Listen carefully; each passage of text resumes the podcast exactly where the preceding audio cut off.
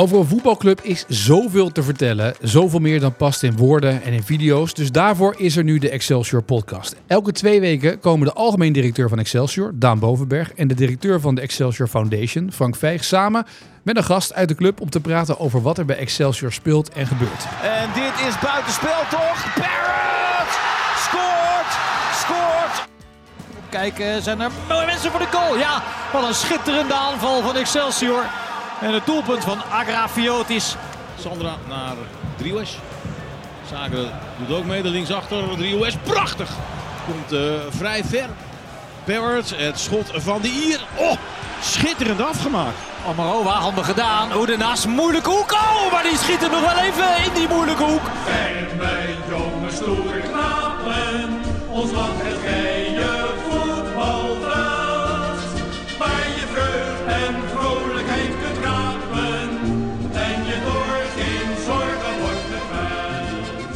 Frank, Daan. Eh, Frank, wil je beginnen met de introductie van de gast? Dan weten we gelijk wie er zit. Dat is misschien handig voor iedereen, toch? Ja, dus Ja. Ruben eh, Den Uyl, die is geboren in Ede. Laten we ook gewoon maar de zwakheden op tafel leggen. En toen is hij naar het eh, SIOS gegaan en daar gegrepen door het trainersvak. Is daarin verder gegaan. Zes jaar in de jeugdopleiding van eh, Sparta gewerkt. 2021 bij ons eh, gekomen als eh, trainer, veldtrainer. Ik vermijd het woord assistent maar even. Komen we straks nog eh, op terug. In 2023 eh, voor eh, drie jaar verlengd. En op weg eh, volgens mij naar een eh, prachtige carrière. Man met een schitterende lach. Goed humeur. Hoewel hij ook lekker kan mopperen. Als hij er zin in heeft. Dat moet ik ook eh, eerlijk zeggen. Nou, een mooi eh, plaatje. Eh, trots dat je er bent. En stralend zit je hier tegenover. Zeker, dankjewel. Heb je optimaal voorbereid? Want je bent iemand van de voorbereiding, heb ik altijd geho- geheerd- gehoord in de trainerskamer. Ik heb me op helemaal niks voorbereid. Hè? Nee, Wel, toch wel- voorbereid. Het is wel de eerste gast die dat eh, durft toe te geven. Ja. Ja. Ja. Echt nog nooit gebeurd. Het is nog nooit gebeurd. Heel de geschiedenis van deze podcast niet. Nee, nee, nou ja, goed, daar moeten we dan maar mee gaan doen. Eh, Daan, wat was het hoogtepunt van eh, de afgelopen, nou ja, wat was het, twee weken? Anderhalve week? Eigenlijk een heel gek hoogtepunt. Als ik, eh, ik heb afgelopen week eh, best wel wat gesprekken gevoerd eh, die juist weer in de, echt in de toekomst liggen. En dan heb je het over de gras-kunstgrasdiscussie en de transitie naar gras. Oh, je En, bent helemaal nu, jij zit nu helemaal in de grasselarij. echt, Ja, je- even- je- daar ze maken jou niet meer gek. Nou, dat is, het is natuurlijk fantastisch om te zien. Het is een heel abstract iets natuurlijk normaal gesproken. Ja, je bent er helemaal niet mee bezig, maar... En dan komen er eigenlijk elke keer komen er mensen binnenzetten die 25 jaar ja, in het gras zitten en groene En die praten over gras met zoveel passie en Ja, liefde. En, en dat je op een gegeven moment zelf aan het eind van de week denkt van ja, ik ga ook gewoon van gras houden. En dan, eh, Je hebt ook gras heb ook uitgelegd, dat kan helemaal Ja, niet. dus, nee, maar ik kan wel heel blij worden van mensen die zo gepassioneerd zijn om, om met iets bezig te zijn. Wat uiteindelijk ja, zo'n zo'n wezenlijk onderdeel is van, ook van de betaald voetbal. Ja. En als je dan je daar een beetje in gaat verdiepen en eh, ja, die passie proeft en voelt, daar word ik wel, eh, word ik wel blij van. Dus je hebt Erwin Belman onder andere op kantoor gehad, neem ik zomaar aan, uit dit verhaal horende. Want die kan, dat, is- dat is de enige man die ik ken die, Zonder- die en zoveel passie zeg maar, kan hebben Ja. voor kunstgras. Zeg maar. Als je die Ja, het is wel leuk hoor. En op, op mijn slechte dagen, dan laat ik het maar zo zeggen. Je rijdt hier langs de Kralingse Plas in de, in de ochtend. En dan zie je soms iemand zo heel vroeg eh, op, op zijn maaier zitten, zeg maar. eh, dat mooie gezonnetje maaien. Dan droom ik wel eens weg en verlang ik wel eens naar, eh, naar zo'n situatie. Dus ja, dat... eh, Speelt nou in heel die discussie ook nog mee dat het veld dan gelijk groter moet worden? Eh, ja, zeker. Want uiteindelijk, eh, eh, enerzijds heb je natuurlijk de, de ondergrond waar, je- waar je op speelt. Anderzijds, de afmetingen zijn, zijn, ook een, zijn daarin ook een, een uitdaging. Die loopt nog wel iets anders. Dus voor de ondergrond gaat het echt zo zijn dat dat vast wordt gelegd in, in een bepaald reglement... waar je ook geen dispensatie meer op kan krijgen of, of, of wordt, waar verleend, ver- op verleend kan worden. Dus verplicht vanaf 2025. Ja, de afmetingen die liggen ook vast. Zij het niet, die kan je nog inderdaad, daar kan je dispensatie voor krijgen binnen, de, binnen betaald voetbal bij de licentiecommissie. En ehm, eh, ja, de- En, en, en kan dat binnen de huidige ruimte, binnen de reclameborden, nee, zeg maar? Ja, het probleem is, voor onze uitdaging gaat wel zijn dat we, eh, ja, we kunnen toewerken naar een situatie waarin de afmetingen maximaal zijn. Wat binnen ons stadion past. Maar we kunnen onmogelijk natuurlijk eh één of twee tribunes eh, even oppakken en, eh, en een paar meter naar achter leggen. Eh, dus in de breedte gaan we wel, eh, is dat wel te doen. Eh, maar uiteindelijk de, de lengte en ja, vervolgens hoe om te gaan ook met de ontsluiting van de grachten. En ja, wordt echt een hele operatie. En zeker als je erover nadenkt dat je ja, de komende jaren misschien ook nog wel wat aan, die, aan je stadion en de verplaatsing of de ontwikkeling van je stadion gaat doen. Ja, ga je wel in een situatie terechtkomen waar je heel veel ja, onrendabele investeringen gaat doen. Ja, want zo'n Eh. kunst, wat, zo'n kunstgra- of zo'n grasveld, wat kost dat als je van Nou, als, je, als, je, overgaat? als je gaat kijken naar de, de transitie naar, naar gras, eh, wat daarbij komt kijken, nou, dan heb je het eh, over opbouw van, van de bodem tot, tot, tot ja, een behoorlijke diepte. Je hebt te maken met, met eh, drainage, met eh, veldverwarming, eh, met allerlei andere technische installaties die, die nodig zijn om, om die mat elke weer, week weer, weer goed te krijgen. Nou, dan ben je in totaal zo anderhalf miljoen verder. En dan heb je het alleen over de investering van de aanleg van, van één grasveld in je stadion. Nou ja, je hebt twee trainingsvelden heb je nodig die daarbij komen, plus inderdaad faciliteiten. Ja, en daarnaast ook nog eens gewoon ja, op, op, op jaarlijkse basis je exploitatie, de, de, de materialen, onderhoudskosten en de mensen die dat, eh, die dat moeten gaan doen. Dus ja, dat zijn... eh, enerzijds is het een hartstikke mooi proces, omdat je inderdaad, wat ik net al schets, ook wel echt weer blij wordt van het, van het feit dat je met gras bezig bent en over gras praat en, en denkt. Maar anderzijds gaat het een, eh, wel een hele, hele, hele rigoureuze impact hebben, ook op ons als club. En eh, ja, dat is ook wel weer, eh, ook weer spannend. En als je dan zo meteen een nieuw stadion hebt, eh, gaat bouwen, wat, wat ook nog steeds in de plannen ligt, dan, moet je, dan is deze hele investering eigenlijk, Nou ja, we- behalve je dus- trainingsvelden, die dus- heb je dan, maar je ja, hoofd... e- exact. Dus trainingsaccommodatie wordt daarin eh, is natuurlijk is, is sowieso hartstikke belangrijk. Eh, de uitdaging die we hier gaan hebben is dat nou, de plannen zoals ze liggen, dat eh, de, ja, wat nu eh, ons parkeerterrein is en waar nu ons hoofdgebouw eh, ligt, ja, dat, dat zal opschuiven, dat zal verplaatsen. Dus dat betekent dat ook het, het veld zoals het nu eh, op de plek waar het ligt ook zal moeten opschuiven. Ja, dan heb je net je hele infrastructuur, infrastructuur eh, daar neergelegd en dan moet je dat weer, eh, moet je dat weer gaan verplaatsen. En eh, ja, er zijn allemaal mooie technieken voor te bedenken, maar uiteindelijk eh, de kans dat je dat weer mee kan nemen, die is, die is beperkt. En, maar goed, Nou ja, in de NFL-finale hebben ze dat veld verrijdbaar naast het stadion neergelegd. Ja. Want het was een heel slecht veld in Las Vegas. En hebben ze gras gekweekt in Californië. Dat hebben ze vier weken opgekweekt. Hebben ze toen naar Vegas gebracht. Is daar buiten neergelegd. En dan konden ze helemaal naar binnen rijden wanneer het nodig was. Ja, nou, het is natuurlijk leuk hè, want je uiteindelijk je, je hebt ook hartstikke mooie innovaties die, er- die ertussen zitten. Dat gaat super hard. En je zijn nu ook al in staat, als je dan hebben we bijvoorbeeld over duurzaamheid, om onder kunstgrasvelden eh, bepaalde systemen aan te leggen waar je de, de warmte die dat opwekt weer kan gebruiken voor je veldverwarming en voor je veldkoeling. Want dat is ook iets tegenwoordig. eh, het gaat niet alleen- alleen maar om verwarming, dat is natuurlijk de perceptie die iedereen heeft, maar eh, ja, gras groeit ook bij bepaalde temperaturen niet meer. Dus met de opwarming van alles wat we om ons heen ziet gebeuren, wordt die koude periode wordt korter en die, en die warme periode wordt langer. Nou, dat vraagt eigenlijk ook weer wat anders van, van, van de systemen ero- eromheen. Dus ja, Het is nogmaals, echt een grasmeester geworden, hè, dit? Ja, dit is echt... gaat, gaat puzzelen worden. Ja. En al die trainers, Ruben, dan allemaal in paniek straks. Want die, kunnen niet, die moeten weer een nieuwe afmeting voor dat veld gaan hebben... als ze willen eh, trainen voordat ze tegen Excelsior moeten spelen. Ja, dat zou kunnen, ja, als het een paar meter Doen ze nu al? Ja, doen ze nu al natuurlijk. Dan zetten ze pionnetjes neer om te oefenen. Ja, nou ja, goed. Ja, we gaan het zien. We gaan het zien hoeveel meter het eh, breder wordt en langer wordt. Ja. Zal meevallen, denk ik, toch? ja, van mij. Valt mee. En Wat is jouw hoogtepunt? Nou, dat was vandaag. Oh, Wij zijn eh, met de opbouw van de Excelsior Academy bezig. Hè?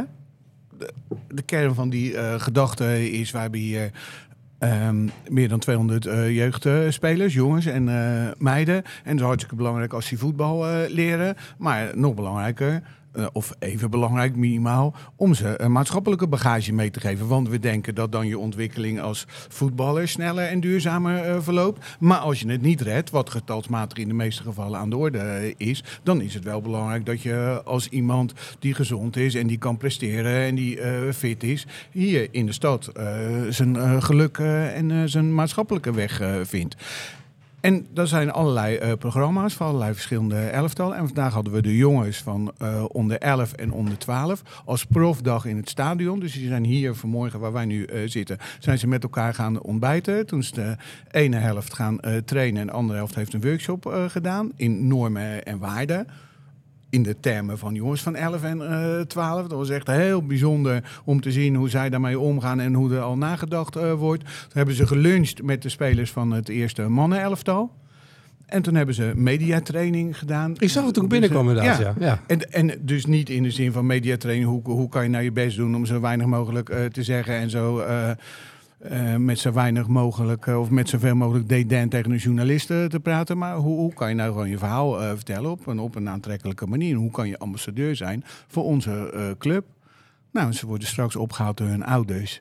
En, en nou, dat plezier, dat is echt geweldig om te zien. En doen met eigen mensen, met Jeroen, met Bo, met eh, Iris, Peter Collier, die komt dan, die is ingevlogen eh, vanuit Stone, die is daarbij, die geniet daar zelf ook van. Nou, dat is, wel, eh, dat is wel mooi als je ziet hoe een abstract idee tot zoveel eh concreet eh, plezier En loop jij er ook nog mee zelf in dat soort dagen? Doe je ook nog dingen? Nee, ik doe Je, geen... je eh, kijkt alleen maar toe hoe ze dat aan het doen zijn. Ja, en ik eh, eh, vertel het verhaal dan vervolgens eh, hier en op de Ik was benieuwd of je ook nog wat- eh, eh, nee. Nee. Oké, mooi. Ruben, wat heb jij eigenlijk gedaan deze, deze week? Nou, de week is nog niet zo lang. Nee? Nee, maar Nou, waar heb jij de focus op gelegd? Nou, we zijn eh, vandaag begonnen met de focus eh, verleggen van, van Sparta naar Vitesse toe. Dus eh, de week voor ons is eigenlijk vandaag begonnen met het oog op Vitesse van aanstaand weekend. Ja. en qua gevoel, hoe- ziet jouw zondag eruit na zo'n zaterdagavond? Ja. ja, hoe ziet je gevoel, de, wat voor gevoel je daarin overhoudt? Ja, je, je bouwt natuurlijk van, eh, van de nederlaag. Maar kan je dat makkelijk van je afzetten? Blijft dat als een donker wolkje om je heen hangen?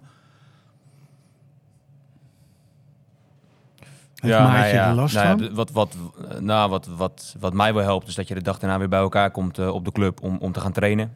En dan, eh, ja, dan eh, ga je toch weer aan de slag met elkaar. Je bespreekt de eerste dingen die niet naar je zin waren, of wel naar je zin waren. En dat helpt wel om, zowel met winst als met verlies, eh, ja, dat wat meer een plek te geven. Ja.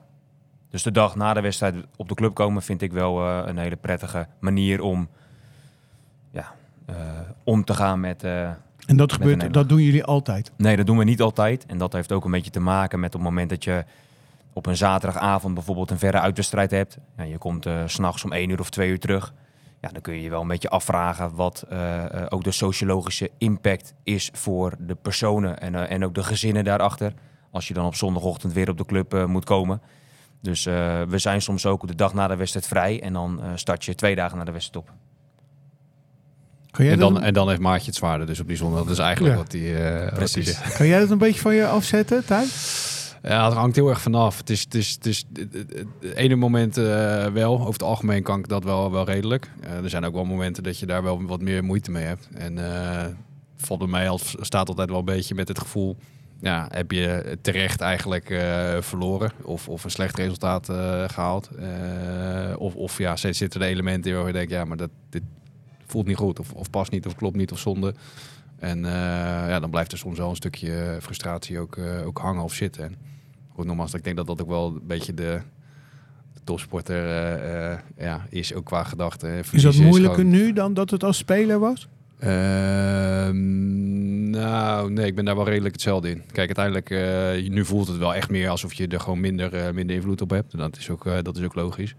Als speler voel je je daar wel directer ook de impact van, van winnen en verliezen. Maar ook van ja, hoe presteer je zelf. Dat is ook nog een element wat daarin terugkomt. Hè? Want uiteindelijk, je vond het ook niet leuk als je ja, eh, winnen en eh, dat, is- dat is top. Dat is per definitie fijn. Maar als je zelf eh, een hele slechte wedstrijd speelt, dan, dan neem je dat ook mee. Eh, ja, nu kan ik winnen of verliezen, maar ik kan niet meer een slechte wedstrijd spelen. Dus wat dat betreft valt dat element weg. Slaap jij Ruben na een wedstrijd? Over het algemeen wel, maar ook daarvoor geldt wel als je laat terug bent. Je komt om één uur of twee uur terug. Ja, dan. eh Maar het trainers eigen volgens mij dat ze tot drie, vier uur s'nachts vaak wakker zijn, toch nog? En dan nou, wedstrijden terug, alles terugspoelen. Ja, Of, ja. Nou, ik moet eerlijk zeggen, als ik bijvoorbeeld zelf eh, laat op de avond sport, dan heb ik er meer last van dan, dan dat je als trainer zeg maar thuis komt. Alleen het, het, het heeft voor mij denk ik wat meer te maken met hoe laat je gewoon letterlijk thuis bent. Ja. En wat jij zeg maar zegt, denk ik dat dat soms zo is. Maar er zijn ook voorbeelden van trainers die zeggen, nou ik eh, ga naar huis, ik neem een wijntje en ik, eh, ik ben weg. Ik had het zelf altijd heel erg nodig als soort van als mentale afsluiting van de week. Dus je bent natuurlijk best wel eh, specifiek bezig met naar toewerken naar een hoogtepunt of een prestatiemoment, om maar zo te zeggen. En dan is dat geweest en dan was het ook echt even een soort van klaar of, of, of hè, dan is dat, eh, ligt dat er. En dan ja, had je toch het, de behoefte om ja, die dag gewoon eigenlijk ook te rekken en zo lang mogelijk te laten zijn, voordat je weer een nieuwe cyclus begint. Dus voor mij zit het, eh, het eh, ik heb dat nog steeds overigens, dat ja, na zo'n wedstrijd het echt nog wel even duurt voordat je denkt van, nou, ik, maar er zijn, volgens mij is het Bos en zo, die slapen pas echt om drie uur s'nachts of zo. Die gaan nog hele wedstrijden terugkijken. Ja, van. Gaal deed het ook volgens mij wel eens. Dat, dat echt, Ik kan me wel voorstellen. ja. Ja. Maar goed, dan moet je in al die situaties terugkijken. Ik weet niet of dat nou zo leuk is. Ik weet niet of dat nou zo heel erg leuk is om alles nog een keer terug te zien wat je net gezien hebt. Het is ook heel vaak andersom. Hè. Het is ook heel vaak dat je best wel gewoon een, eh, slecht gevoel had over een wedstrijd. Dat dat uiteindelijk meeviel. Ja, dat je ermee vindt. Tenminste, dat heb ik echt heel. Dat heb ik vaker gehad dan andersom. Dus ik heb vaker gehad dat je denkt van, eh, oh, ik zit echt met een, eh, met een matig gevoel over deze wedstrijd. Zowel als speler als, als bijvoorbeeld eh, nu trouwens ook. En dan kijk je er terug en dan denk je, nou, ja, oké. Eh, er zijn echt wel elementen die we, maar het was niet zo slecht als het gevoel dat ik, eh, dat ik erbij had. En dat wordt toch vaak bepaald door hele specifieke dingen die je eh, ervaart of terugziet. En dat lijkt me soms als trainer ook wel lastig, omdat je natuurlijk een hele week echt op dingen traint en, en, en, en terug wil zien. En dan kan je waarschijnlijk in hele kleine zaken al teleurgesteld raken, wat je ook weer meeneemt in ja, wat je over, overal gevoel bij zo'n wedstrijd. Ondanks het feit dat je hem eh, wint of verliest, maar ja, je wilt toch ook de dingen terugzien waar je de hele dag mee bezig bent. Zullen we daar even dan wat eh, vragen bij pakken? Ja, want we hebben de heel veel vragen via de socials, er is best Ja. wel eh, Ja. eh, goed gereageerd. En dan snap je natuurlijk wel dat een aantal vragen over eh, standaard situaties eh Zeg standaard vragen ook. in verdedigende eh, zin. Dus De dan eerste is, er- vraag komt van Frank V. dan is een, een, een echte eh, totaal eh, niet, maar de, Carolien. eh, de vraag is, wat bereiden jullie nou precies voor? Eh, vraagt Jurgen oh, bij corners die je tegenkrijgt. Nou, Ronald Graafland is degene die, eh, die verantwoordelijk is voor de spelvattingen verdedigend. Wat we elke week doen, dus Ronald neemt daar het voortouw in ten aanzien van die spelervattingen verdedigend, is dat hij een analyse maakt op basis van de kwaliteiten, eh, maar ook de, eh, dus zeg maar de sterkte en de zwakte van de tegenstander eh, bij hun aanvallende spelervattingen. En op basis daarvan maakt hij dan, bedenkt hij een strategie, maakt hij keuzes over hoe wij daar onze verdedigende organisatie tegenover zetten. En dat wordt besproken met, met beelden. Dat wordt betraind tijdens trainingen. Ja, en vervolgens eh, hoop je dat in de wedstrijd terug te zien. Maar zie je het dan in de wedstrijd niet terug? Of eh, wat, ben heel benieuwd, wat zijn mensen die zeggen... ja, moet je dan niet iemand anders het laten doen als het zo vaak fout gaat? Ja, nou, een en ander heeft ook met kwaliteit natuurlijk te maken. Ik denk als je bij ons eh, de, als je de, leng, de, de- simpelweg de lengte van onze spelers op een rij zet. Ik was twee weken geleden bij Manchester United West Ham. Dan heb je, praat je over een van de topclubs in de wereld met een van de grootste budgetten. Ja. Als je Mitchell van der Gaag spreekt over Manchester United ja, en je kijkt naar de lengte daar op het veld. Ja, dat, dat gaat helemaal nergens over in vergelijking tot West Ham United. Waar allemaal reuzen staan van twee meter. Dus Manchester United heeft het dan ook met spelopvattingen verdedigend enorm lastig. En als je dan dat weer vertaalt naar bijvoorbeeld keuzes die een eh, trainer van West Ham United, Moyes, maakt en heeft gemaakt in de afgelopen tientallen jaren, is ook selecteren van spelers met lengte, omdat je omdat zijn gedachte en zijn visie is, ja, nou, we houden een gesloten organisatie en we proberen gevaarlijk te zijn met spelafvattingen. Ja, dat zijn allerlei eh, eh, keuzes op visieniveau, op basis waarvan je spelers wel of niet selecteert. Ehm, nou ja, ik denk dat we in ieder geval, als we nu naar onze selectie kunnen eh, kijken, of als we naar onze selectie kijken, kunnen constateren dat we niet de langste spelers hebben in onze, in onze selectie. Wat per definitie dan ook, ja, dat is gewoon een fact. Dat als jij minder lengte hebt, dan is het gewoon lastiger om uh, verdedigend goed te verdedigen. Dat is misschien een logische vervolgvraag. En die wordt dan ook gesteld door René de Korte onder andere en Nathan. Waarom staan er geen spelers bij de palen? Ja, Ja, wij- wij- dat zien mensen nu tijdens, maar jij moet Ja. nu lachen. Maar dat komt Nee, ja, omdat je goed. die vraag al heel vaak hebt gehad? of- Nee, nou omdat natuurlijk achteraf dingen altijd makkelijk te, makkelijk te verklaren zijn en ook makkelijk te bevragen zijn. Dus op het moment dat je mensen bij de palen zet, dan kun je mensen eh, eh, niet of minder in de zone zetten of in de dekking zetten. Ja, en dan, dan laat je misschien een bepaalde ruimte vrij, waardoor iemand in een, bepaalde zone of een bepaalde vrije ruimte een bal kan inkoppen. Dus ja, voor alles valt wat te zeggen. Eh, eh, wij hebben gekozen om eh, niet mensen bij de palen te zetten. Volgens mij ook een trend die je internationaal ook steeds meer ziet. Of, oftewel, steeds minder ziet dat mensen bij de palen staan. Ja, ik denk niet dat mensen dat, uh, zowel En, bij eh, Excelsior als Zou in... je mij dat als, als uh, voetballeek dan cijfermatig eens uit kunnen leggen? Want je speelt 11 tegen 11 Ja. en zij hebben een keeper Ja. die er niet uh, is. Ja. Dan houden ze altijd wel één verdediger achter, of twee eigenlijk. Ja. ja. Dus dan speel je 8 tegen 11 in je eigen strafschopgebied. ja.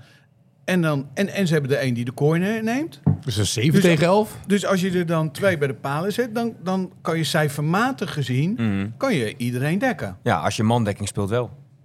Maar dat, dat, dat spelen wij niet. Dus het is niet zo dat iedereen een man dekt. Ehm, uh, maar wij spelen uh, uh, gedeeltelijk zone en gedeeltelijk met blokkers. En de gedachte van zone is dat je veel ballen kan verwerken vanuit de zone waar je staat. Dus als je bijvoorbeeld eh, let op eh eh, Troy, ja, die kan best wel vaak bij de eerste zone ballen wegkoppen. Omdat hij op de juiste plek staat waar de, eh, waar de hoekschop naartoe getrapt wordt. Waardoor hij die bal kan wegkoppen en dan is al het gevaar weg. Dan heb je helemaal niemand nodig bij de palen. Ehm, en de gedachte van een aantal blokkers gebruiken tegen hun beste koppers... is dat die spelers in de zone ja, vrijer de ruimte hebben om eh, ballen weg te koppen... die eh, in, in de gevaarlijke ruimtes terechtkomen. Dus ja, de- Dus ook een beetje, bij blokker bedoel je dus mee het scoren onmogelijk maken. Het- Toch, het scoren Luc legde dat ja. pas ook uit voor de, eh, voor de camera's van ESPN. Dat ze eigenlijk twee kopsterke spelers hebben bij PSV. De Jong en Ramaljo. En Ja. eigenlijk ja, ook verdedigend proberen ze een soort van chaos te creëren met de kleinere. Waardoor die koppers van de tegenstander ook niet aan bod komen. Zeker. Nou, als je bijvoorbeeld kijkt naar de goal die eh Kik Piri scoort tegen Sparta, eh, ook, uit een, Ja. ook uit een hoekschop, dan is Cisse Sandra degene die Ja. dus aan het blokken is. En volgens mij blokt hij Kitolano. Ja. En daardoor komt Cisse Sandra vrij, of eh, daardoor komt eh Kik Piri vrij Ja. op de penaltystip om die bal binnen te kunnen schieten. Een beetje Was het dat basketbalblokken. Ja. Ja, dat is dan dat is, eh, dat is iets wat eh, Thomas van Haar dan doet. Dus die is verantwoordelijk voor de aanvallende spelafvattingen. Ehm, ja, en, en dat is dan een variant. Maar dat, dan, word, dan word je toch gek van geluk als, als eh, trainer. Als je dat aan het oefenen bent door de week en, je- en je krijgt zo'n corner en hij gaat zo binnen. Zeker. Ja, dat, eh, Thomas heeft een oortje en dus die zit dan ook te schreeuwen. Ja, dan, dan doe je die oortje af, want eh, gegeven moment ben je doof. Nee, maar dat, eh, nee, dat, is natuurlijk, dat, dat geeft veel voldoening. Dus voor, ja, voor Verhaar zit het hem in het, het geven van voldoening als je een goal scoort. En voor Graaf ja, zit de voldoening veel meer in het voorkomen van een goal tegenkrijgen. Ja, en voor beide situaties geldt dat als je succesvol wil zijn met hoekschoppen, zowel aanvallend als verdedigend, dan ben je ook wel afhankelijk van de kwaliteiten eh, van zowel koppen als van het nemen van de bal, eh, als van het uitvoeren van de dingen die je met elkaar betraint. En eh, nou gaat dat relatief vaak eh, eh, niet goed bij ons. Eh, Geeft dat nog aanleiding om dan die gedachte ter discussie te stellen? Of is dat gewoon Ja. beter worden binnen de huidige gedachte? Nou, die hebben we al een keer eerder ter discussie gesteld. Dus we, we zijn veranderd al van organisatie eh, binnen onze spelafvattingen verdedigend. En op een gegeven moment ben je ook wel een beetje door je smaak heen. Dus eh, eh, net als dat je met vijf verdedigers kan spelen, of met vier, eh, of met drie. Eh, ja, datzelfde geldt met de spelafvattingen. Je kan eh, meer man georiënteerd verdedigen, je kan meer zone verdedigen. Je kan daar een combinatie van en dan ben je door je smaak heen. Dus ehm, ja, ik denk dat als je hem even breder trekt dan spelervattingen, dat wij kunnen constateren dat we structureel te veel tegengoals krijgen. En dat is dit seizoen zo, dat was vorig seizoen zo, dat was het jaar daarvoor in de KKD zo. Ja, op een gegeven moment ben je ook wel door je smaak heen. En dan moet je gewoon dingen beter gaan doen dan dat het is. Dus op detailniveau eh, met elkaar gaan analyseren, gaan betrainen en daar hopelijk procenten winst in pakken. Eh, en dat moet dan uiteindelijk leiden tot, eh, tot minder goals tegen. Het is mij nog niet zo vaak gebeurd hoor. Dat het gewoon al tien minuten over spelervattingen gaat en dat er nog geen één vraag bij mij terechtkomt. Hoezo? Wil jij nog wat vertellen over spelhervattingen dan? Zullen we daar niet even Heb jij, heb jij, heb jij een mening over de spelhervattingen dan? echt een periode gehad maar naar voren te lopen. En dat die scoorde die, ja. Ja. Maar dat was ook aanvallend, hè? Maar toen werd er ook nog niet geblokt. Eh, Nee, dat was een hele andere tijd. Ja, Nou, om het, ego vandaan een beetje op te trekken. Want het is natuurlijk wel een, van de weinige spelers die niet heel lang is. En die best wel vaak heeft gescoord eh, uit een eh, eh, spelervatting. Nou ja, zeker. maar bij ons was het ook echt zo. Dus uiteindelijk eh, in die teams waarin ik eh, gespeeld heb, eh, iedereen gaat op zoek naar bepaalde kwaliteiten die mensen hebben. En één daarvan is natuurlijk op de juiste plek staan. En ja, nogmaals, de, de aanname is altijd dat het of tweede paal was, maar het kan ook eerste paal zijn, kan ook. Maar uiteindelijk zijn, ben je gewoon als, als team of iedereen die in de 16 is, die is gewoon bezig met ja, hoe kom, hoe kom ik vrij?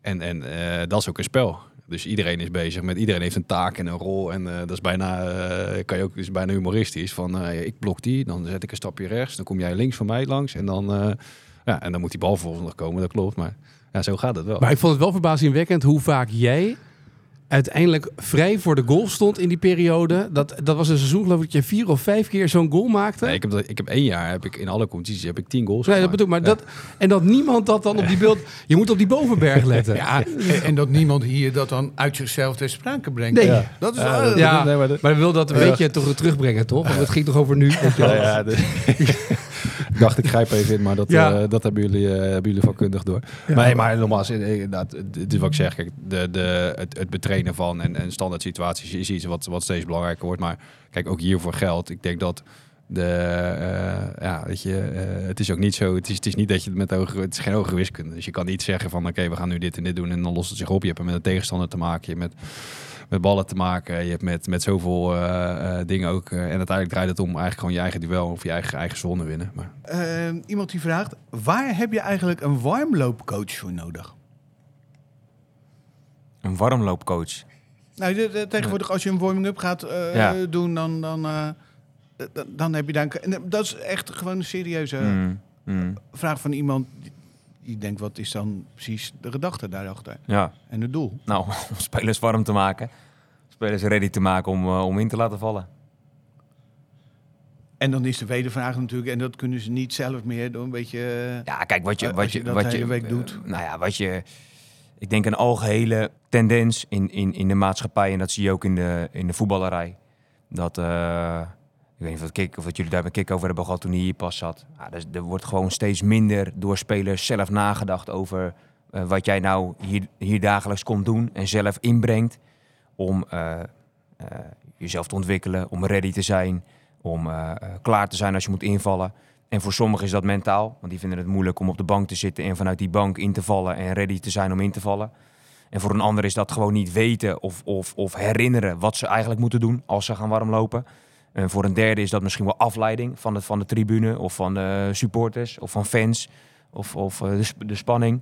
Dus ja, er zijn genoeg ehm, redenen eh, die eh, misschien wel extern liggen eh, bij, en, so- en bij sommige mensen intern liggen. Ja, wat ons er in ieder geval toe doet. eh, nijpen, is dat een woord? Ja, lopen, besluiten, nijpen, ja. Ja. besluiten. Besluiten. En dat zie je bij heel veel andere clubs ook. Dat iemand dat proces begeleidt. Want als je dat niet doet, ja, dan, dan rommelen spelers maar een beetje aan langs de lijn. Nou ja, ook, ook, ook breder de ontwikkeling. Toch? Kijk, uiteindelijk ook daarvan zie je dat het uiteindelijk wordt het een, een specialisme. Kijk, vroeger deed je eh, op dagelijkse basis deed je, deed je een warming-up en, en deed je ook vanuit eigen ingeving. Of, of terwijl ja, weet je, de, de fysiologie en de, eh, de, de- alle, alle kennis en kunde ontwikkelt ook snel. Dus eh, uiteindelijk ga je ook mensen die zich gaan specialiseren op oké, hoe zorg je dan uiteindelijk voor een ideale eh, spanning in, je lichaam, op je spieren, eh et cetera, et cetera. Dus en ja, weet je, als die dat op, door, de, door de weekse basis doet, is het ook hartstikke logisch dat je daar op, op wedstrijddagen ook, ook, ook mee bezig bent. En dat zijn wel voorbeelden van waarbij je toch probeert alle procentpunten die je, die je kan winnen aan te pakken. En ook wat, ja, wat ook wat denk ik zegt over de ontwikkeling.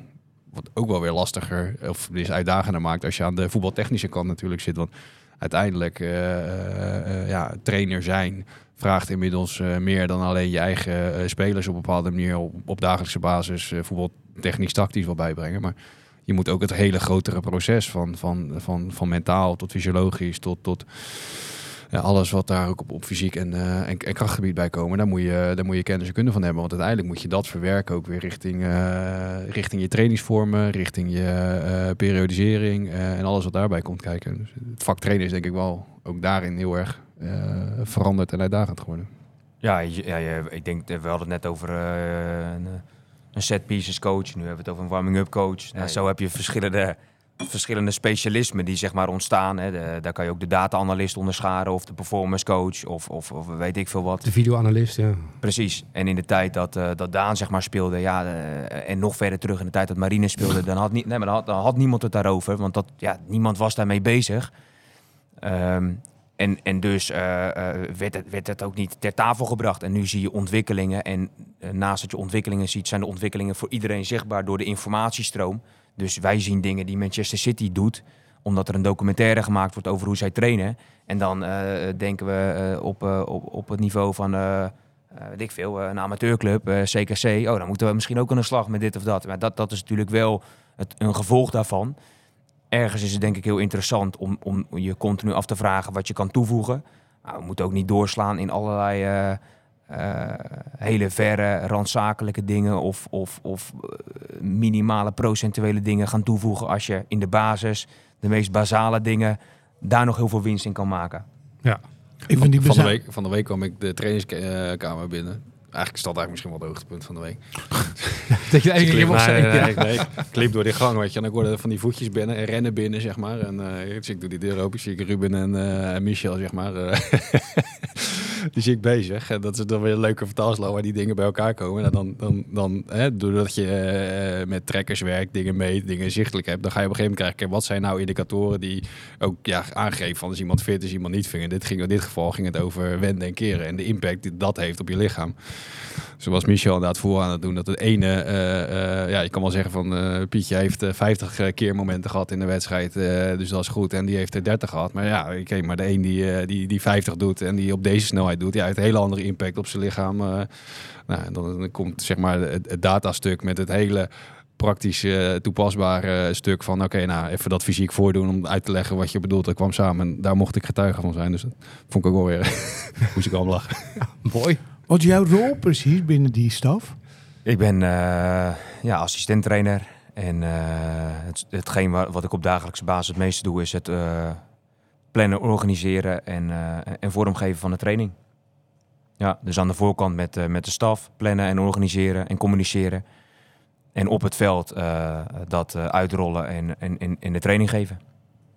En dan ben je feitelijk gewoon in, in leken termen de veldtrainer van Excelsior. Ja, Heel veel mensen vragen dan, waar ben je eigenlijk naar op weg? In die carrière. Nou, hetgeen wat, wat ik heel leuk vind, is dat ik dagelijks uitgedaagd word. Eh, dat heeft mij er eh, drie jaar toe doen besluiten om zelf mijn contract op te zeggen bij Sparta en zelf op zoek te gaan naar een, een nieuwe uitdaging. Die heb ik hier gevonden. En dit vind ik nu heel erg leuk om te doen. En mijn voornemen is om eh, de aankomende 20, 30 jaar rollen in de voetballerij te vervullen die ik leuk en uitdagend vind. En dan maakt niet uit welke rol dat dan is. Nou, dat zit, niet, dat zit voor mij niet vastgegoten in, in, in één rol of in één ambitie. Dat kunnen meerdere dingen zijn. En dat kan eh, in binnenland, in het buitenland zijn. Ehm, ja, dus eh, daar, daar sta ik wel wat, eh, wat breder in. Ja. En nou even in, in gewone mensen, gaat dat om hoofdtrainerschap? Nou, dat kan. Ja, dat snap ik. Ja. Ehm, of ligt je toekomst nou om veldtrainer van Chelsea te worden? Ik, noem even een clubje. Nee, de- de- Ja, snap je? ja. Dat zijn toch echt wel twee verschillende wegen. Ja, Word je Pepijn Leinders of word je... ja. Nou, ik, ik ben en ik, en ik blijf eh, Ruben de Rel. Heeft Adrie volgens mij wel eens gezegd. Moet ik even moet ik meteen aan denken. Maar eh, nou ja, je doet, doordat je ervaringen opdoet, kom je er denk ik ook achter of dat dingen bij jou passen of niet. Dus toen ik dit ging doen, wist ik eigenlijk helemaal niet wat dit bij mij paste. Want ik was hiervoor jeugdtrainer. Nou, en ik vind dit nu heel erg leuk om te doen. Als ik ooit hoofdtrainer mag worden, ja, dan zie ik op dat moment wel of dat, dat bij mij past. En of dat de voetbalwereld op een hoofdtrainer Ruben de Rel zit te wachten. En misschien kom je dan wel tot de conclusie, nou, dat past heel goed bij me, dus ik ga door op dat pad. Of eh, eh, niet, dus ik ga eh, weer in een rol van veldtrainer. Of ik ga een andere rol vervullen in de voetballerij. Wat mij leuk lijkt, is om in ieder geval ja, continu op zoek te zijn naar jezelf ontplooien, jezelf verder ontwikkelen. En, en daarom zeg ik dat ik daar niet per se zeg maar één rol voor uit. Nou, dat moet per se dit worden. Of dat. Ja, zien we hoe dat loopt. Hebben jullie nou een rolverdeling op de bank tijdens een wedstrijd? Jij en Marines? Zeker, Marinus is de coach. Dus die, eh, die coacht. En ik ben degene die eh, met de iPad ehm, eigenlijk zoveel als mogelijk observeer en analyseer over datgene wat we vooraf hebben besproken. Zodat we daar in de rust ook op terug kunnen komen naar, eh, naar de spelers toe. Zie jij op die iPad hetzelfde als wat wij zien als we televisie kijken? Ehm, qua beeld bedoel je? Ja? Nee, wij, hebben, wij maken gebruik van eh, overviewbeelden. En op de tv zie je ESPN-beelden. Dus bij de, het fijne van ESPN-beelden is dat alles eh, Ingezoomd, is. Ja. Altijd de Eh, bal in beeld. Ja. altijd de bal in beeld, precies. En is, daarin zie je ook de herhalingen. Nou, dat, eh, dat zie ik niet. Eh, en wij zien de overviewbeelden en dat is heel prettig voor ons. Want daardoor kan je tactisch beter zien hoe de onderlinge afstanden zijn. Je Eh, ziet altijd het hele veld. Het hele veld, ja. Of, of dan wel drie vierde van het veld. Maar dus die camera beweegt meer mee met de bal en de spelers. Ja, Nee, Dus- ik, vraag het, ik vraag het ook een beetje omdat Marine is natuurlijk wat rustiger. En jij kan nog wel eens af en toe ineens van die bank opspringen. En dan applaudisserend langs de zijlijn staan. ja. Enthousiasmerend. En dan gaat natuurlijk dat beroemde verhaal van Dick Advocaat die op de bank zat met Cor Pot. En dat Cor is altijd tegen Dick zei, nou zo erg is het allemaal niet. Totdat Cor een keer op de tribune zat en dat hij Koen Stam naast zich zitten. En dan zei Dick, belachelijk. En dan zei Koen Stam, belachelijk. En dat ging dus elkaar zeg maar opbieden. Waardoor Dick op een gegeven moment dacht dat ze echt een hele slechte wedstrijd hadden gespeeld. Tot hij hem terugzag. En dacht, dat viel allemaal best wel mee. Maar je hebt het ook een beetje een rolverdeling in, toch? Zeker. Ja, nou ja, goed. Ja, we, ook door ervaringen leer je. Dus eh, ik denk dat eh, als we bijvoorbeeld kijken naar de wedstrijd bij ADO uit, die play-off wedstrijd, toen was ik redelijk eh, actief langs de lijn. Eh, dat ontstond op dat moment. En als je daar eh, later op terugkijkt, eh, dan eh, denk ik dat dat op dat moment ook helemaal niet zo gek was. Omdat er misschien wel bepaalde energie gevraagd werd. Alleen uiteindelijk is het niet de bedoeling dat je als assistent-trainer eh, eh, meer gaat coachen dan de hoofdtrainer. En, eh, en daarnaast is het gewoon heel prettig voor een hoofdtrainer dat een assistent-trainer ehm, zo objectief als mogelijk, eh, observerend en analyserend kan kijken naar de dingen die goed en minder goed gaan, waardoor je die hoofdtrainer kan adviseren. Dus, eh, dus door ervaringen op te doen en het daar ook met elkaar over te hebben, ja, probeer ik wel eh, nu wat minder vaak langs die lijn te komen. Ondanks dat dat wel in mij zit. Dus ik kan me goed voorstellen als ik zelf hoofdtrainer zou zijn, ja, dat, dat mijn invulling van coachen er iets anders uitziet dan dat Marinus dat doet. En dan heb je misschien ook een iets andere assistent nodig. Want eh, van twee, eh Ja, twee Rubens eh, word je denk ik ook niet vrolijk eh, eh, langs, de, langs de lijn. Het gaat- met name denk ik om de manier waarop. En ik denk dat je als trainer altijd eh, moet zoeken naar de manier waarop je een speler benadert. En nogmaals, er zit altijd eh, een stuk eh, eh, emotie of druk of, of, of urgentie in een moment waardoor je daar niet aan ontkomt. Maar ik denk dat je, en nogmaals, en dat is iets wat je denk ik ook eh, in de taakverdeling of rolverdeling dan ook hebt. Tussen, tussen eh, als, een, als een staf goed uitgebalanceerd is. Dat je gewoon weet van oké, welke jongens eh, benadert wie op welke manier. En, en, en dat je daar ook met elkaar eh, eh, mee bezig bent. En nogmaals, het is denk ik heel waardevol. En dat is wat Ruben natuurlijk ook zegt. Als je met meerdere ogen op die manier op de bank aan het kijken bent. Ja, dan, dan, dan eh, je kan niet alles tegelijk zien op, eh, in, in de wedstrijd. En mensen onderschatten dan inderdaad ook vaak hoe lastig het is als je op veldniveau eh, langs een lijn staat. Dan heb je eigenlijk een heel beperkt zicht van wat er op het veld gebeurt. Toch zien trainers wel vaak of het goed of fout is, hè, de beslissing. Ja, dat, is- dat zal ook een stukje gevoel zijn, maar goed, dat kan, kan Ruben misschien eh, zelf. ik zie dat eh, wel wat echt meer, heel eh, anders hoor. ja. Wat, Ja? wat jij zegt, ja, ik vind echt dat ehm, als je bijvoorbeeld kijkt eh, waar je in de kuip zit, ja, dat gaat helemaal nergens over. Daar zit die duckout, die zit, eh, in de die grond. zit Ja. eh, in de grond. Ja, eh, ik denk ook wel dat zeg maar, het beeld wat er gecreëerd wordt van, van trainers, zonder eh, mensen eh, daar persoonlijk op o- over te, zeg maar, zonder daar namen bij te noemen, ja, die kunnen ook wel heel makkelijk dingen naar zichzelf toetrekken. Van ja, nou maar zie je, ik had dat gezien. Het zijn over het algemeen, denk ik, situaties dat de bal in de buurt is. Het zijn over het algemeen situaties dat de scheidsrechter een discutabele beslissing maakt. Ja, dat is wel vrij makkelijk om daarop te ageren en daar dan je eigen gelijk in te halen. Maar ik denk wat Daan misschien meer bedoelt. En, en als Daan dat niet bedoelt, dan bedoel ik dat in ieder geval. Wat een trainer gewoon heel moeilijk kan zien, is hoe het, hoe het in de overview. of dat jouw ploeg eigenlijk wel eh, zo staat zoals jij dat wil hebben. Ja. Alleen als jij als trainer heel emotioneel betrokken bent bij dat wat er bij jou in de buurt gebeurt, ja, met alle respect, dat is niet zo moeilijk. Dat kan een ouder ook. Langs de lijn, zeg maar, eh, je mel een gooi geven omdat de scheids een, eh, een beslissing maakt die net wel of net niet in jouw voordeel uit, uitpakt. Maar dat, dat vind ik geen niveau om daar dan eh, je gelijk bij te halen als trainer. Helder. Is dat ook wat, wa- wa- waarom jullie met die oortjes op de bank in contact staan met een collega die veel hoger op de tribune zit en op die manier dat overzicht houdt? Of wat wordt daar gewisseld Nou ja, dat, dat is denk ik wat meer een aanvulling. Ehm, daar zijn we dit jaar mee begonnen. Dat heeft ook met de uitbreiding in de staf te maken. Met, eh met Michel bijvoorbeeld dit jaar en Nio. Ehm, dus dat, dat geeft nog weer extra. Dus ik kan beelden bekijken vanuit overview. Eh, en daarnaast kan je dan schakelen. Bijvoorbeeld ten aanzien van wissels. Dus oké, Thomas en Mies. We willen aanvallend of verdedigend wisselen. Oké, eh, hoe zien jullie dat van, van, vanuit jullie eh, perspectief? Ehm, ja, we denken erover na om Jantje, Pietje, Klaasje te wisselen. Nou, wat, wat denken jullie daarover? Wie zou daarvoor in kunnen komen?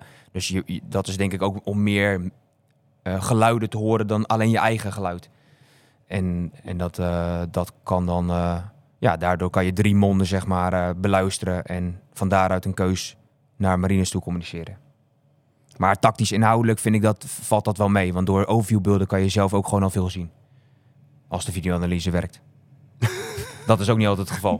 Oh, is dat zo? Ja, dat je wel eens te maken hebt met Er dat zit toch een- zo'n schoteltje boven op de dugout? Ja, maar soms werken die overviewbeelden niet. En dan heb je bijvoorbeeld alleen beelden achter de goal. Of alleen ESPN-feed. en en zonder eh, eh, clubs eh, aan te spreken... heb je soms ook wel eens het idee dat dat met opzet... soms eh, een kabeltje ergens losgemaakt wordt... waardoor je geen overviewbeelden hebt. maar goed. Dat is toch ook wat? Ja, dat is wel leuk bedacht. Ja. Dat Ja. moet ik eerlijk toegeven.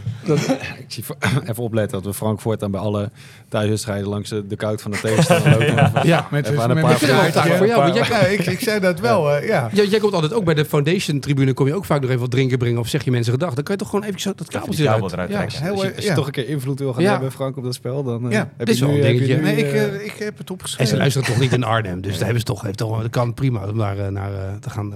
Moeten we niet even nog wat, wat foundation dingen doornemen? Want er is volgens mij genoeg wat er aan de hand is. Zo.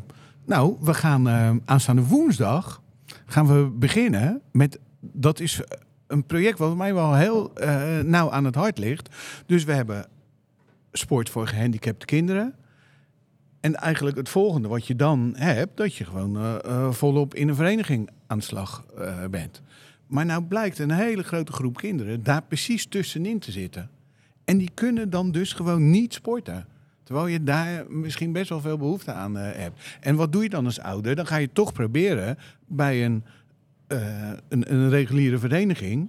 Ja, en als je dan eh, een, een, stoornis, eh, stoornis als autisme hebt of zo, ja, dan kom je in de gedragsproblemen. En, wa- en wat doen dan mensen die niet opgeleid eh, zijn? Ja, die, die gaan jou dat verwijten natuurlijk. Zodat het verdriet en de eenzaamheid eigenlijk alleen maar groter wordt. Dus wij gaan nu beginnen met een groep van twaalf kinderen op woensdagmiddag. Die in eerste instantie komen voetballen. Ook wat andere sporten eh, komen doen. Met mensen die daar verstand van hebben. Die daarvoor opgeleid eh, zijn. En precies op maat die kinderen kunnen helpen om hier te gaan eh, sporten. Dat gebeurt ook bij een aantal andere verenigingen in Rotterdam. Maar daar zijn de mensen ja, anders opgeleid als die van ons. Minder pedagogisch, didactisch eh, geschoold. Dus die gaan we ook eh, coachen. En dan brengen we die kinderen van al die verschillende eh, clubs hier ook regelmatig bij elkaar. En dan gaan ze toernooitjes spelen. Of gaan ze tegen elkaar boksen. Of gaan ze andere dingen doen.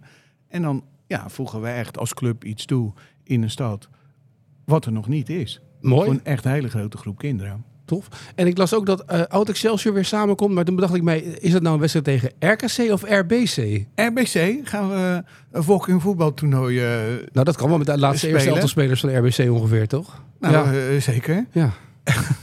Nou, die hebben best wel een poosje lekker eh, meegedaan. Ja. Maar wij gaan maar van onszelf eh Ja, eigen En dan gaan we met de generatie Patinama, Waslander, eh Waziman, Wikkel. Dat is echt wel gewoon goede spelers. Dacht je Nou, dan, dan gaan we daarheen. Ja, en dat nou, verbroedert ook weer. En aanstaande zondag hebben we hier de zogenaamde Legends-wedstrijd. dat is wel een hele grote titel. Maar er zijn allerlei oud-eerste elftal spelers bij elkaar. En dat doen we... elke, elk, je- elk seizoen rondom één wedstrijd. Alleen wat specialer nu is dat we een voorpremière hebben van een ESPN-documentaire over het elftal wat in 1974 pff, kampioen werd van de eerste divisie. Was jij Ja. bij, toch? Dus, eh, nou, ja, ik geef het eerlijk toe. Toen zat ik hier. Ja. Ja, ik zweer het je niet. dat dat, dat, dat eh, eh, waar was. Eh maakte mijn schoonvader hoe- twee goals. hoe jong was dus je toen? later komt het, toen, toen, eh, toen was ik eh elf, denk ik. Ja. Twaalf? Dertien? Nou, Ja, wat was het zo. nou? 11, 12 of 13? En, ehm, de, nou, die, die eh, ploeg die is hier eh, weer eh, bij elkaar. En dan eh, eh, laten we dat zien. En dat zijn hele eh, fijne eh, bijeenkomsten. Gaat Daan lekker speechen. Lekker man. Ja. Ja. En je moet natuurlijk, en, en de Excelsior vrouwen gaan eh, ook goed in de beker, toch? Beker door. Dus competitie eh komen ook eh, belangrijke potjes aan. Dus, en inderdaad ook daar veranderingen. Want die zijn inmiddels ook allemaal, allemaal in het stadion gaan die plaatsvinden. ESPN eh, met de nieuwe tv-deal zijn al die wedstrijden live. Nou, wat ook ergens gaat betekenen dat je ja, voor- je accommodatie moet zorgen. Er komt ook een hele grote big game weekend aan. Ja. Interland weekend waarbij ze alle initiatieven en alle eh, programma's die normaal gericht zijn op mannenvoetbal in teken gaan staan van het vrouwenvoetbal. Om ervoor te zorgen dat je met alle wedstrijden die er dan te- tegelijk zijn, toeschouwersrecord eh, te vestigen. Eh, dus ja, daar zie je wel. ik zag van de week voorbij komen dat er voor het eerst een transferrecord was gebroken. Ja, in Engeland, hè? In, Amerika. Amerika, ja. 7 ton of Ah, zo? bijna 8 ton betaald Ja. voor, een, voor een speelster. Ehm, Dus jij was aan het tellen. Nee, nee, zeker nog niet. Nee, maar het, het, zijn, het, het zijn, het zijn wel ook eh, opeens eh, eh, ontwikkelingen waarvan je daarna toch met elkaar ziet. van, Nou, dat, gaat, dat gaat hard en daar, daar komt beweging in en dat is hartstikke, hartstikke positief. Ja, Leuk. 17 maart kwartfinale voor de vrouwen tegen Herenveen thuis. Ja, en de 24 maart tegen FC Utrecht thuis is het Big Game Weekend. En dat is eigenlijk ook de doelstelling om met elkaar ervoor te zorgen dat we ja, iedereen die normaal gesproken ook naar een mannenwedstrijd komt om, om ook een keer die vrouw eh, te supporten. En, eh, Dan zit het vol. Gezamenlijk initiatief en Ja. dan zijn we vol en dat zou wel echt eh, tof zijn. Mooi. Ruben die noemde heel kort even, ik was in Manchester. Oh ja. Maar die opleiding, je was in Manchester, was je niet voor niets natuurlijk. Je had ook een vraag erover, Frank? Van een, eh, Ja, hoe, Van- dat, eh, hoe het gaat met je opleiding. En hoe het was met onder andere Van Persie Ja, bij United. Ja nou, met, eh, met de opleiding eh, ja, gaat het prima. De opleiding eh, is vorig jaar in mei begonnen. En, Coach betaald voetbal, hè? Hebben we Ja. het dan over? Ja, en die eindigt dit jaar ook in mei, eind mei. Dus dat duurt één kalenderjaar, één seizoen. Ehm, dus dat loopt op zijn einde. In het kader van die opleiding word je gekoppeld aan één of twee buddies. Nou, in mijn geval zijn dat de Tim Bakers en Robin van Persie. En met je buddies organiseer je zelf binnen dat opleidingsjaar een buitenlandstage. Nou, dan is het natuurlijk prettig als je gekoppeld wordt aan iemand die links en rechts wat ingang heeft. Dus dat werd Tim met- Bakers heeft geregeld. Precies. Ja. Kon in Waalwijk terecht. het was uit buitenland, ja. Ja, ja, als, het bij mij, eh, als ik het had moeten regelen, waren we bij Blauw 55 in Ede uitgekomen. Ook leuk. Dus eh, nee, dit was, eh, dit was een super trip. En ehm, ja, inspirerend om daar vijf dagen te zijn geweest. Maar wat doe je dan? In die Nou, vijf dagen?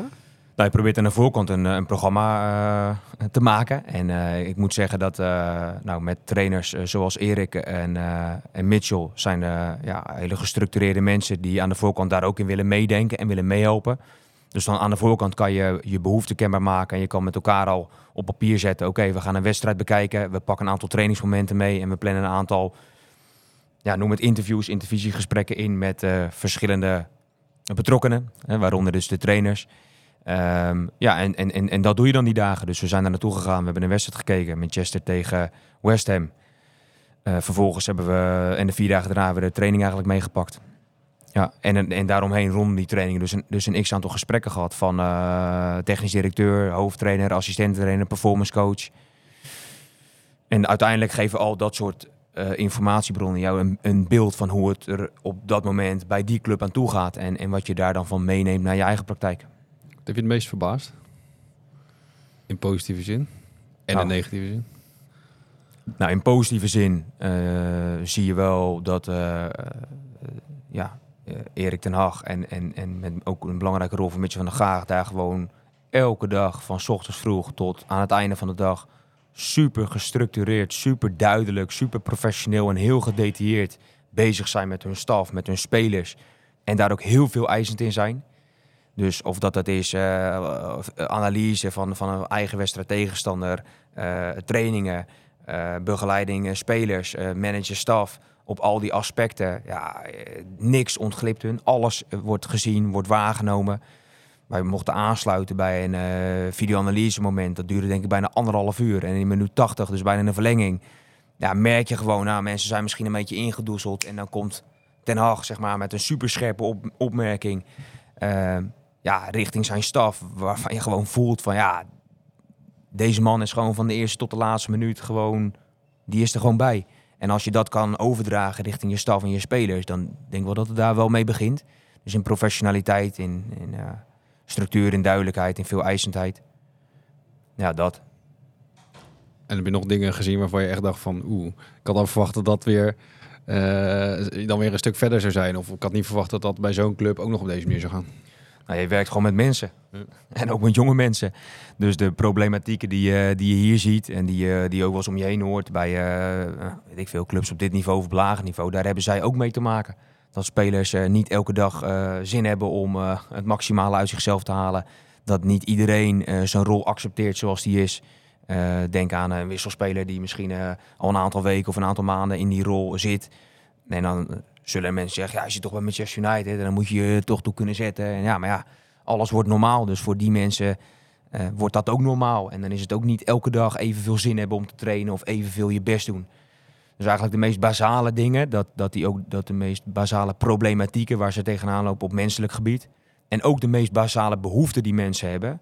En dus verbinding, eh, autonomie, ehm, ja, eh, ontwikkeling van competenties, dat ook mensen daar behoefte aan hebben.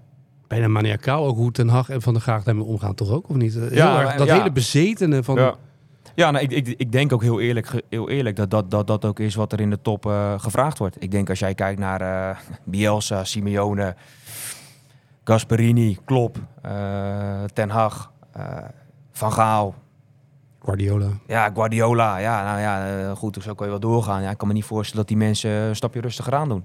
Ik denk dat de tijd wel voorbij is dat een trainer om twee uur naar huis gaat en dat allemaal wel gelooft en het overlaat aan zijn spelers. Dat, nou, geloof ik niet dat dat nog in de top gebeurt. Kan niet. Dat denk ik niet als je ziet welke trainers er op dit moment langdurig succesvol zijn in de top. Dat zijn geen mensen die, het, eh, eh, die weinig aan het toeval overlaten. Mooi. Heb je alle vragen gehad van andere... Zeker. Ja? Ja. Uh, voicemail? Nee, dat doen we volgende keer weer. Oh, doen we volgende keer weer? Ja. Oké. Want er zit een, dat, is, dat zou echt een heel lang verhaal eh, zijn. Oh, maar daar zijn we niet goed in. Nee, ja, Nee. ja ik wel, maar, maar dan, eh, ik heb ook met mijn publiek te maken natuurlijk. dus ik, bewa- ik zal het bewaren voor volgende keer. Dus ook proberen eh, zo kort mogelijk eh, eh, te vertellen. Maar het is een voicemail. Ik heb die voicemail al Ja. eh, wel. Van Leiders Bosman.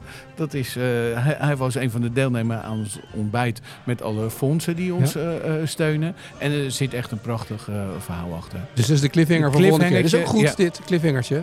En dan beginnen we snel mee volgende keer. Ja, dat zou ik echt eh, leuk vinden. Dat is goed. Nou, doen we dat volgende keer. Eh, Daan, dank. Ruben, dank dat je erbij was. Leuk. bedankt voor de uitnodiging. Ja, zeker. En eh, Frank, jij ook dank weer. En tot eh, over twee weken. Voor een gloed Ik kijk de winnaar uit, jongens.